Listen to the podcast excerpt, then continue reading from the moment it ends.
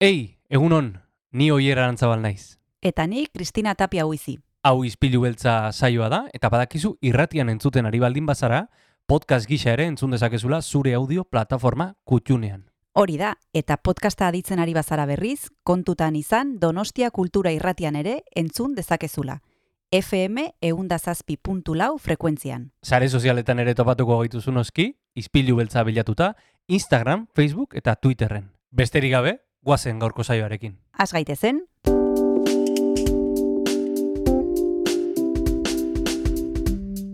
Ispilu beltza. Donostiako kulturaren berri, Oyer Arantzabal eta Kristina Tapia buizirekin. Egun honen zule, martxoak sortzi ditu asteazkena da eta Donostia kultura irratia entzuten ari zara. Izpilu beltza.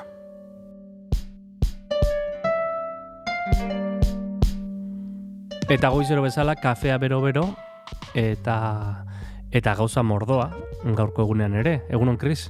egun oier, zer moduz? Primeran, primeran martxoaren sortzia, egun garrantzitsua. Egun polita gaurkoa, eta bueno, ba, gauzak eh, eskatzeko, gauzak aldarrikatzeko, e, maigainean jartzeko, bueno, urte guztian bezala, baina bueno, gaur bereziki. Hori da.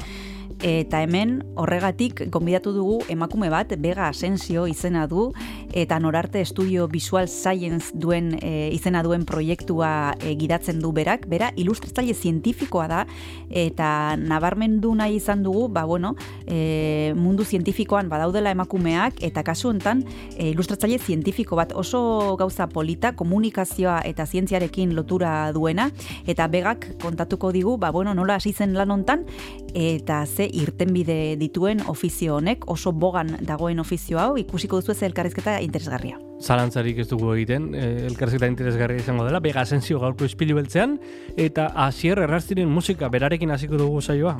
Hori da, guazen asier errastirekin astera gaurko izpilu beltza.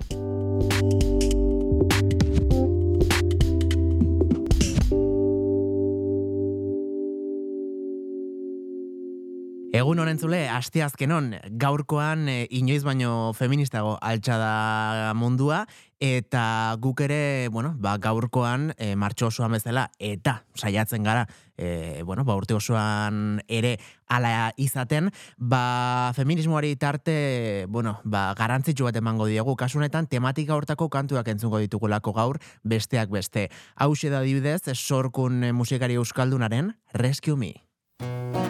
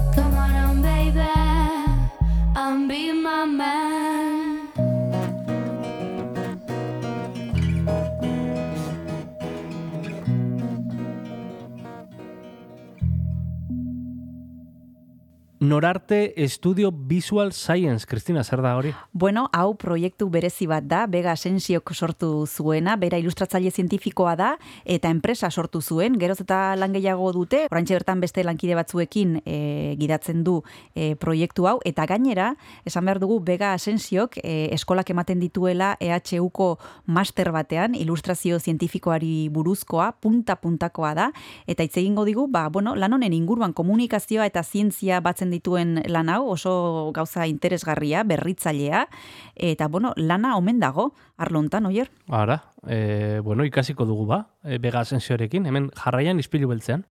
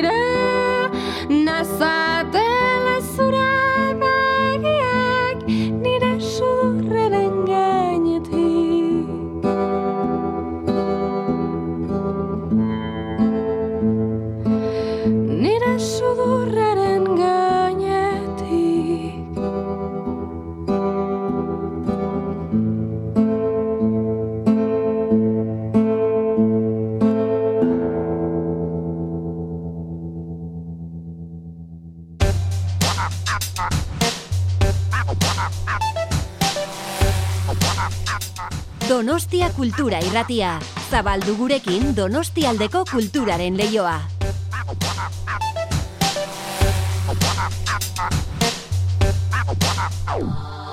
Gaur zientziari buruz eta komunikazioari buruz hitz egingo dugu Donostia Kultura Irratian eta horretarako Bega Asensio gonbidatu dugu Ispilu Beltzara. Egunon Bega zer modu zaude? Egunon, Kristina, ba oso ondo eskerrik asko. Bueno, azteko, e, nor da Bega Asensio eta zer egiten duzu? Zein da zure ogibidea? Bueno, ni eh, biologian doktoria naiz, Aha. baina gaur egun eh, lan egiten dut ilustratzaile zientifiko moduan. Mhm. Hau ideia, bueno, aspaldi, bueno, ez dut esango okurri du, ez? Baina bai ezagutu nuen aspaldi ilustrazio zientifikoa zer dan, Mhm. Eta mm, niri biologoa izan da, ba, natura eta zientzia, en, natura eta zientzia oso interesatuta nengoen, eta Bai. baita oso gustoko nukan, neukan ilustratzea. Orduan, e, tesia bukatu nuenean eta ikusita zientzia komunikatzeko orduan e, gabezi nahiko zeudela, batez ere zientzia bizuala egiterako orduan, ba, erabaki nuen, ba, piztinara salto egitea, Hmm. eta niri ba, etiketa edo kartel berri bat jartzea eta esatea, pues, Bega Asensio orain ilustratzaile zientifikoa da.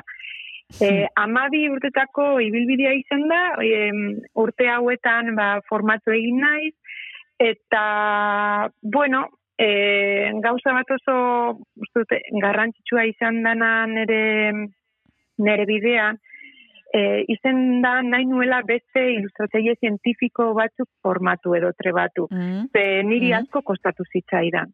Orduan hau dela Mm. eta, em, bueno, tailerrak eta horrelakoak eh, eman izan ditut, baina e, zientzia eta teknologia fakultatean egin nuena izan zen, ba, proposatu, ez? Ea egin Mhm. zen, graduando bat e, disiplina honen inguruan, eta bueno, baiezkoa Mm. eman zidaten, eta ba, orain, ba, ilustratzaile zientifikoa eta biologoa izateaz aparte, ba, e, komisio akademikoan nago gradu ondo honetan, eta irakaslea ba naiz. Eta, bueno, Mhm. e, esan behar dut be bai, ba, begazenzio, jadanik ez dala begazenzio bakarrik ez, e, gure estudioan e, hanbat e, o, ilustratzaile zientifiko e, gazteak zatu egin dira, eta bueno, horrek dira gaur egun ba, trena bultzatzen dutenak, ez? Horre dira Mm, norarte estudioko lokomotorak.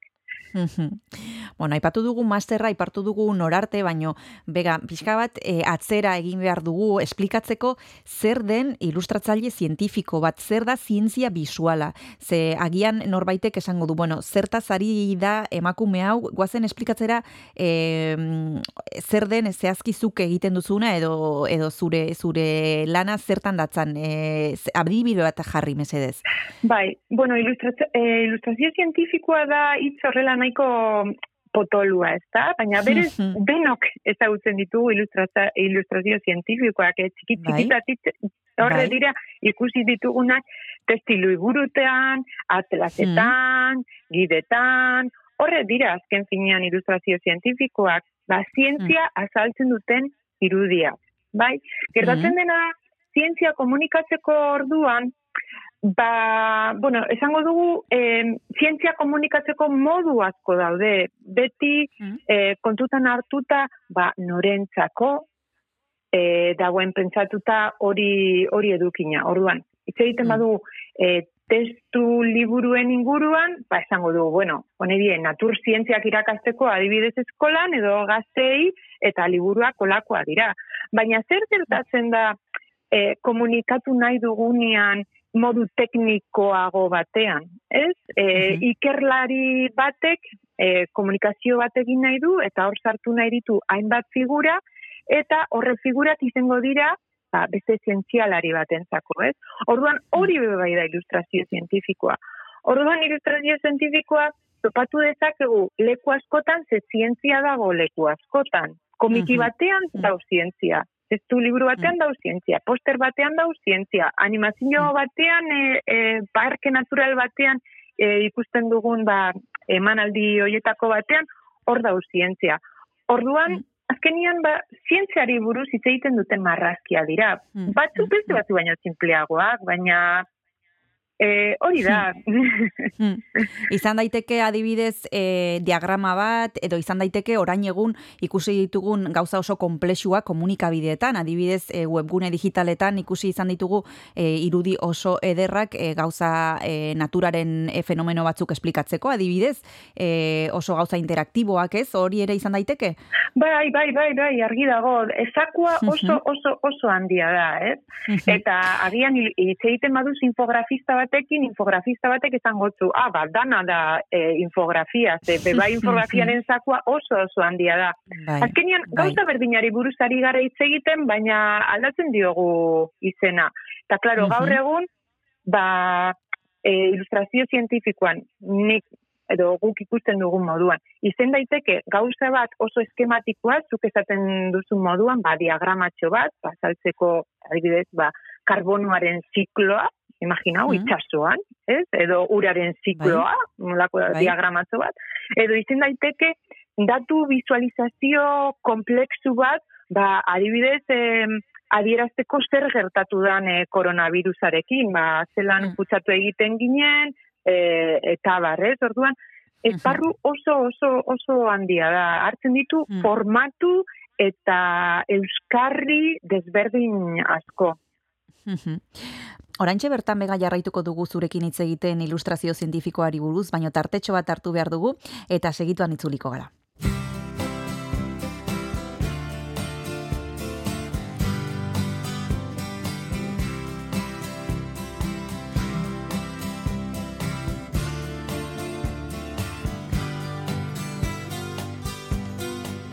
Think I'll go out to Alberta. Weather's good there got some friends that I could go to working for. Still, I wish you'd change your mind if I ask you one more time. But we've been through this a hundred times or more. For strong seas that run high, all those things that don't change, come what may. If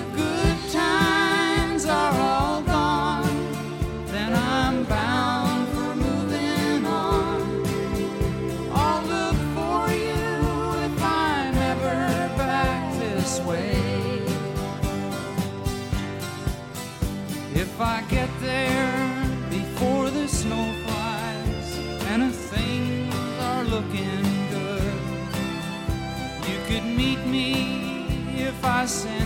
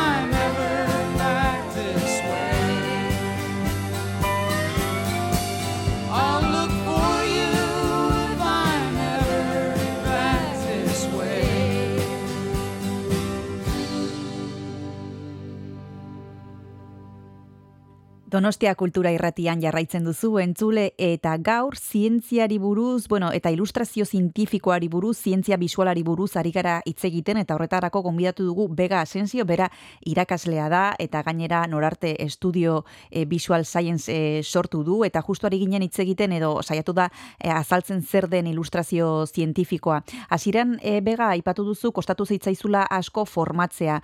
E, lan hontan e, jarduteko e, zientifikoak izan behar dugu zu bezala biologia ikasi zenuela eta gainera gero e, ba, beste arlo batzuetan trebatu edo komunikazioan e, egin behar ditugu ikasketak, e, zakite ze, zein den oinarria gero e, ilustrazio, ilustrazio zientifikoa izateko? Mhm. Bueno, ba, oinarria da jakin mina e, eta gogoak. Eh? Horre, horre Hmm. dira, horre dira oinarriak nire ustez. Baina egia da, e, bueno, ba, segun zelan ikasi edo zelan deko montauta e, e, eskuntza, ba, mm, biologo asko gaude ilustrazio zientifikoan lan egiten. Bai, Aha. ze biologian, biologia oso zientzia deskriptiboa da. Hmm. Eta horregaitik biologo asko daude. Baina, e, edozen zientzilari gustatzen zaiona marrastea, komunikatzia bizualki, ba, ba, esparrua dauka. E, adibidez, e, claro, gero, Pristina, gertatzen da, batzuetan e, espezializatu beharra dagoela, ez? Ni biologa ja. moduan, imagina, tokatzen zaidala kimika, geologiako, e, zer. Orduan, imaginau, ba, e, geologian aditua dan ikertzaile e, ikerlari horre behar duena nere zerbitzuak, norekin egongo da hobeto? Biologa batekin edo geologa batekin? Ba, geologa batekin, argi eta garbi. Ja. Orduan, badau Ja. jendia gaidana espezializatzeko. Ni biologa moduan egiten dut denetarik. Gaur egon norarten egiten dugu denetarik. Baina egia da, ba, pertsona batzu lortu dutela espezializatzea. Eta bakarrik geologian lan egitea, edo bakarrik fizikan lan egitea. Ez da gure kasua. Eta bueno, aipatu ditu zientzilariak, baina zuk esaten duzu moduan beste esparru batzuetatik.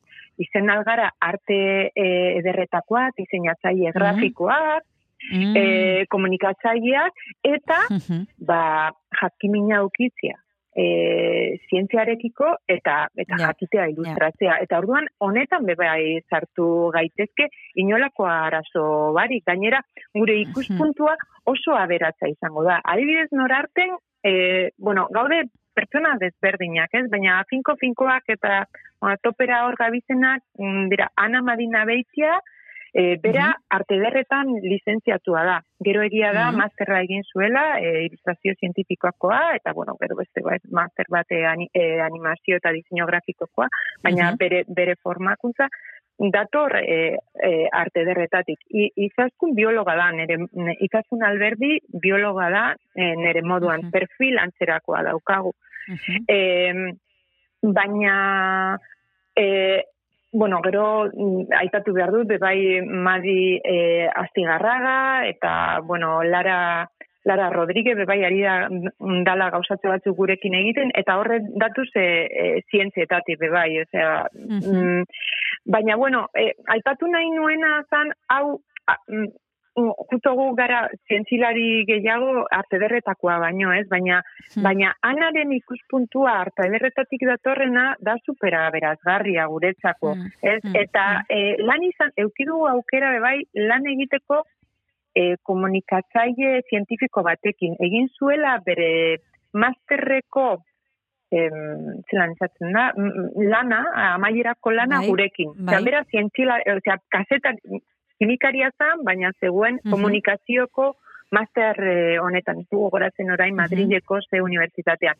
Eta, klaro, bere, bere lan egiteko modua, bere metodologia, zelan, zelan eh, lantzen zituen testuak, zelan ateratzen zituen eh, referentziak. Osea, guztiz desberdina eta super aberazgarria e, e, guretzako eta oso oso osagarria. Orduan, ba, nik uste dut o, talde multidisciplinala, bueno, agian ogibide guztietan edo e, lanbide guztietan bezala, ez? Baina multidisciplinat mm, zena esaten da, e, bueno, e, anistasun hori eukitzia Bai, oso, oso, bai. oso gauza ona da.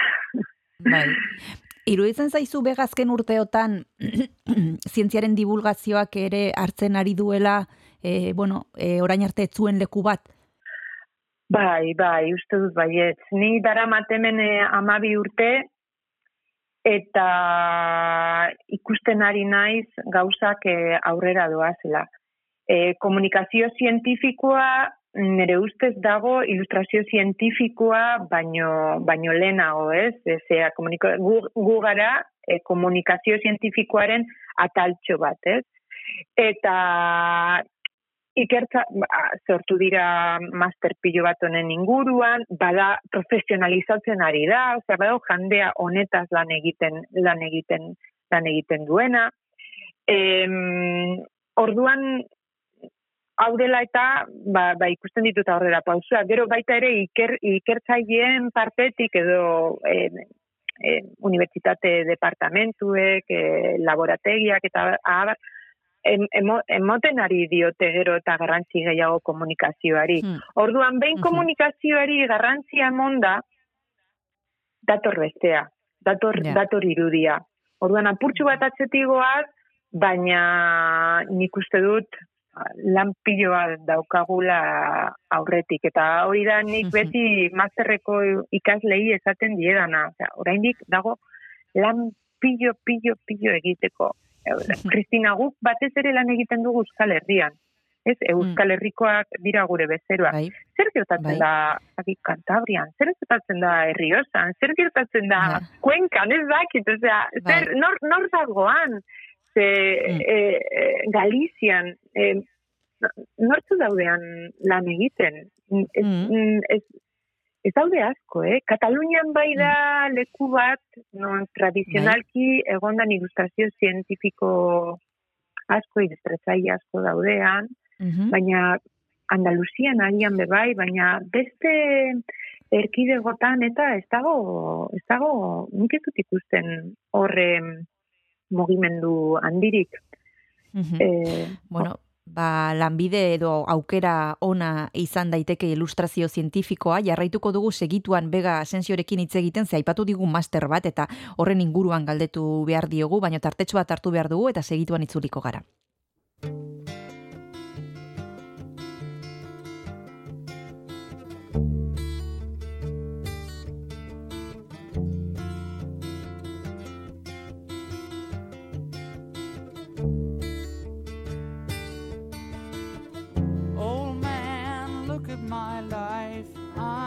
Lot like you were. Old man, look at my life. I'm a lot like you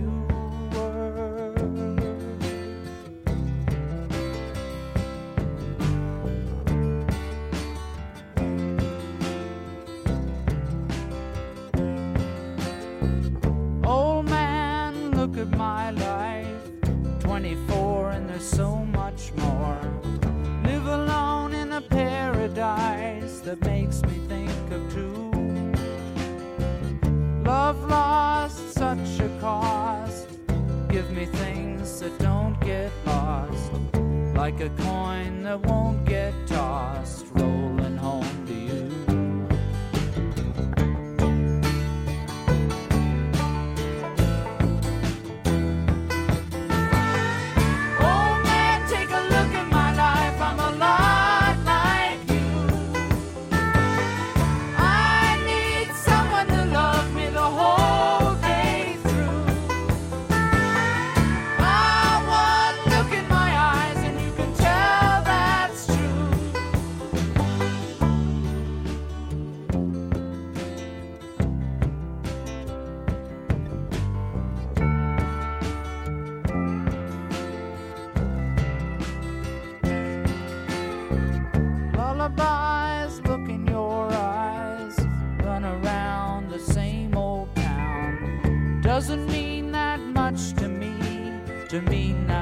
To you.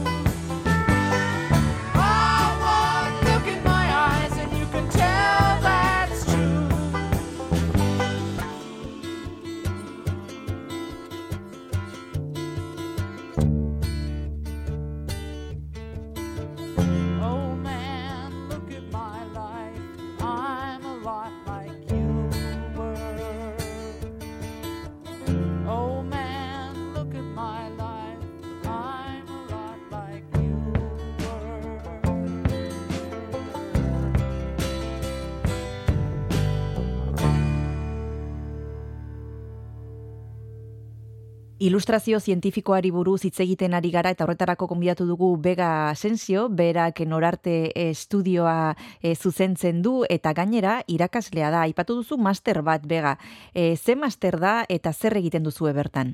Bai, ba, masterra ilustrazio zientifikoari buruzkoa da. E, Mhm. Gaur egun e, master propio bat da, Mhm. e, zeigarren promozioan gaude, e, Bai. bigarrena master moduan, aurrekoak izen ziren unibertsitate espezialistak, Ah, baina ikusita, bueno, ba, ondo zijoala, ikusita arrakazta, ja, eman genuen saltua master izatera.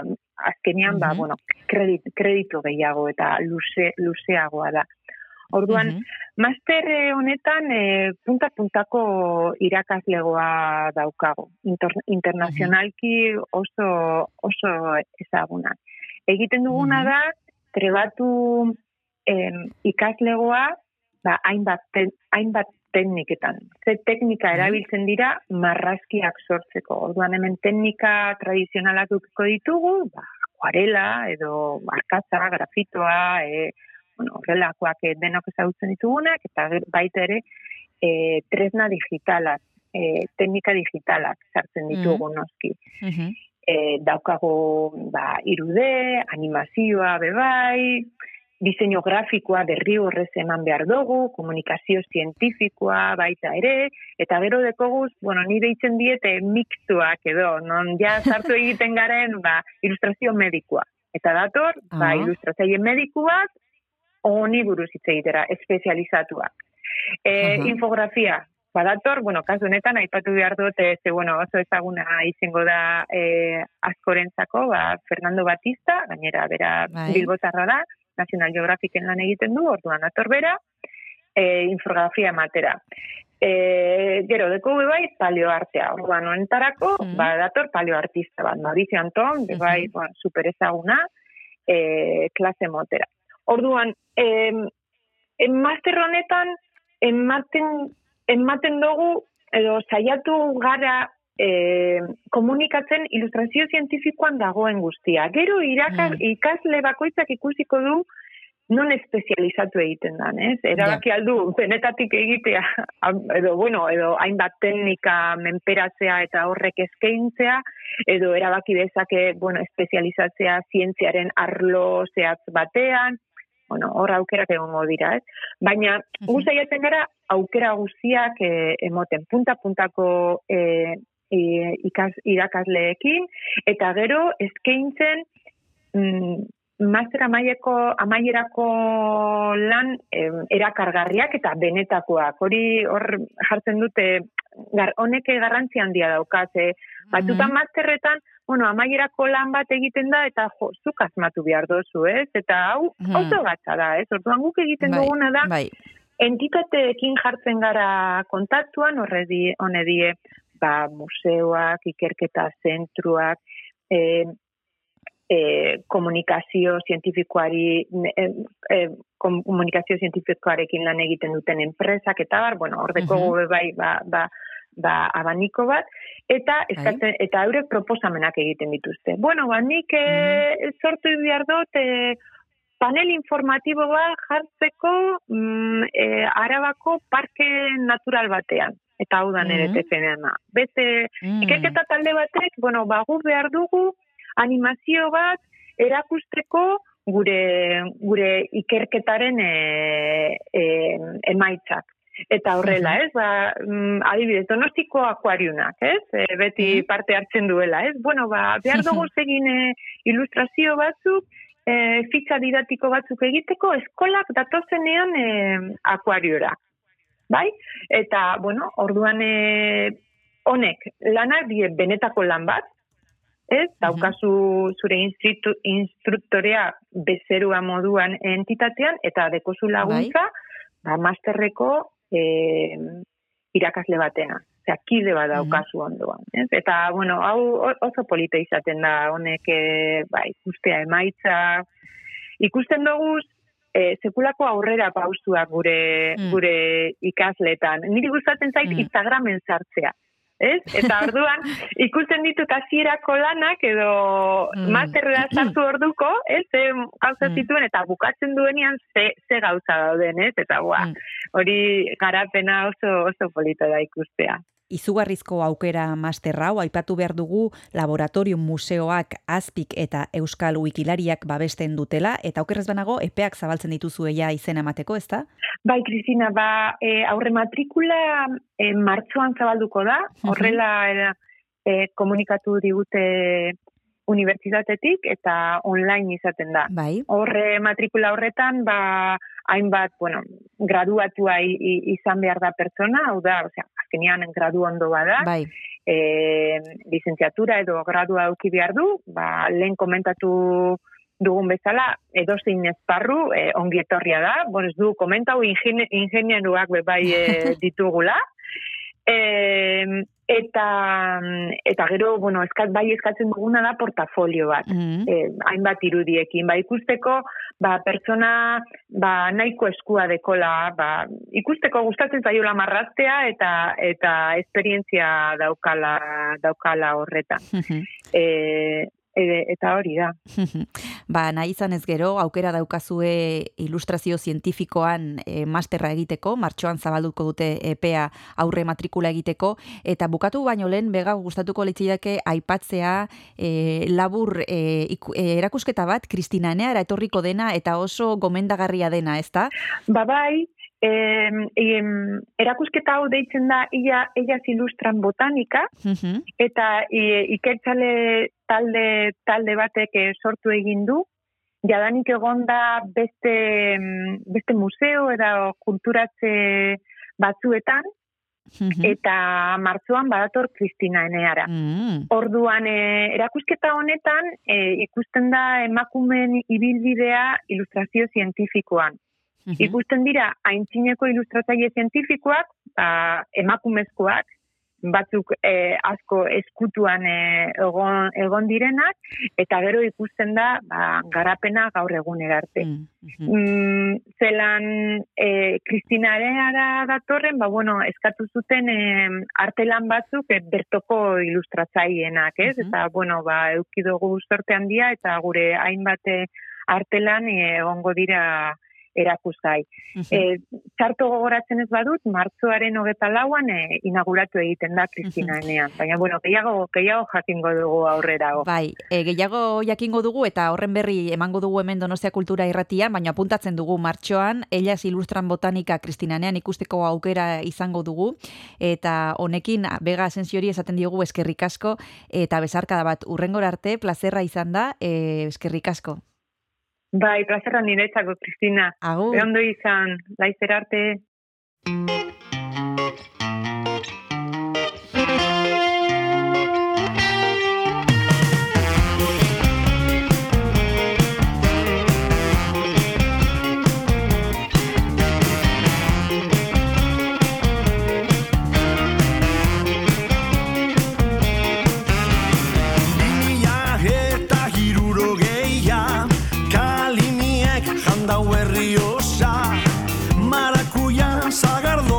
estigui arregandat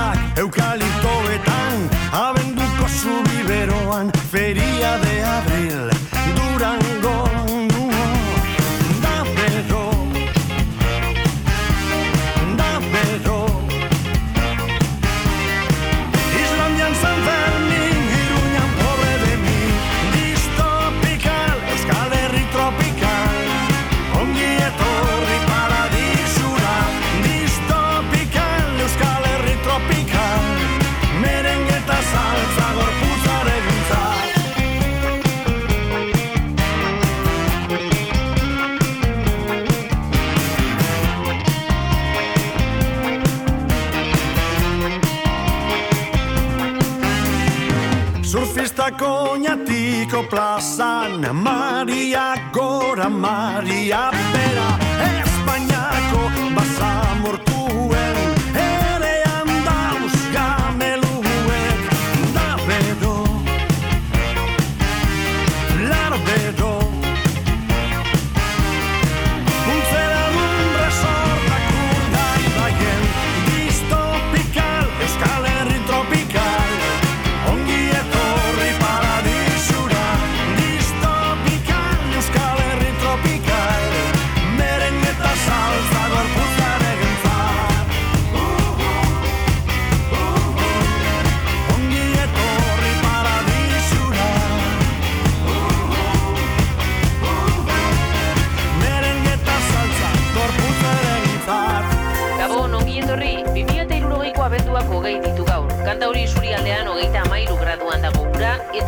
atarian jendez lepo dira ondartzak. Albiste ona bestalde musikako sumendiak utzi diola laba isurtzeari.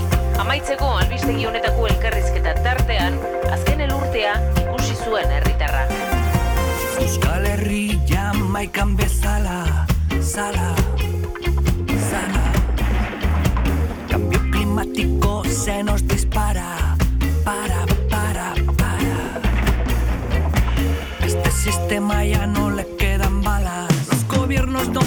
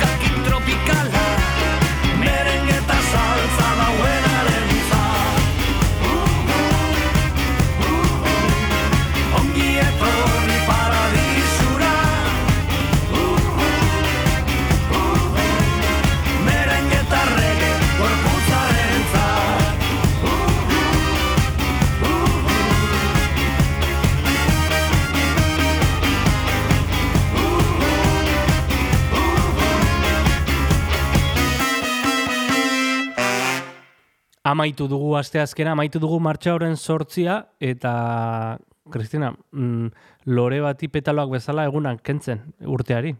Hori da, eta ja, udaberria hementxe dago, oraindikan egun batzuk gelditzen zaizkigu neguan, baino segituan iritsiko da udaberria, eta udaberriarekin ia-ia batera, bihar musikari buruz arituko gara hemen izpilu beltzan, esti Markezek kontzertu eskainiko baitu lugaritzen, eta guk bihar izango dugu gurekin, eta gainera izango dugu Josemi Beltran. Bueno, e, e, Esti Marquez herrikidea dut, eh? Aian, aiarra da. Eta han, han udaberria, ja sumatzen hasi gara e, pagoetako baso, basoko kimu eta Mhm. Aber Ba, esan kontatzen duen bihar.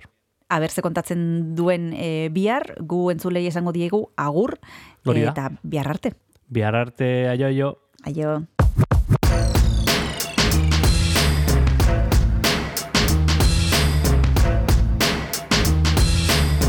Ispilu beltza. Donostiako kultur paisaiaren isla da Donostia Kultura Irratian eta zure audio plataforman Spotify, Apple Podcast, Google Podcast eta irratia.donostiakultura.eus webgunean.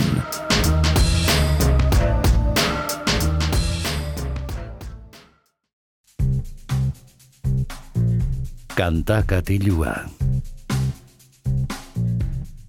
Kaixo entzule, zer moduz dijoa asteazkena. Tira, e, badakizue, Oier eta Kristina agurtu ditugun arren, orain kantakatiluan datozen minutuetan musikari egingo digula tartea, eta kasu honetan gaur asteazkena izanik, badakizue asteazkenetan e, musika klasikoa izaten dugula hemen, eh, protagonista, eta gaurkoan ere alaxe izango dugu. Hain zuzen, Gustav Mahlerren zortzigarren sinfonia.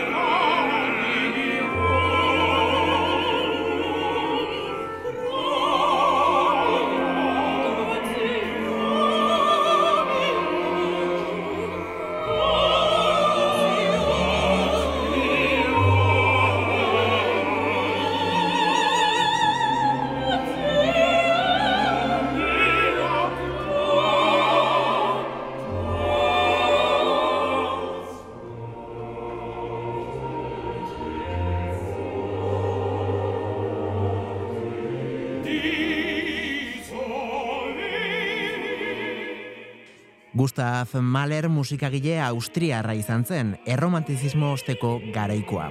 Orkestra zuzendaria ere izan zen, eta lanik ezagunenen artean, ba, hause, orain ispilu beltzan entzuten ari garena, Gustav Mahlerren zortzigarren sinfonia. Beste era batera musika munduan ere mila pertsonen sinfonia ere e, moduan ezaguna dena, hain zuzen, bueno, ba, mila pertsona baino gehiago behar direlako berez, Gustav Mahlerrek e, berak planteatutako sinfonia hau aurrera eramateko naiz eta ba imaginatzen duzuen moduan oso konplikatua den eta eta historian zehar oso gutxitan burutu den bere desioa.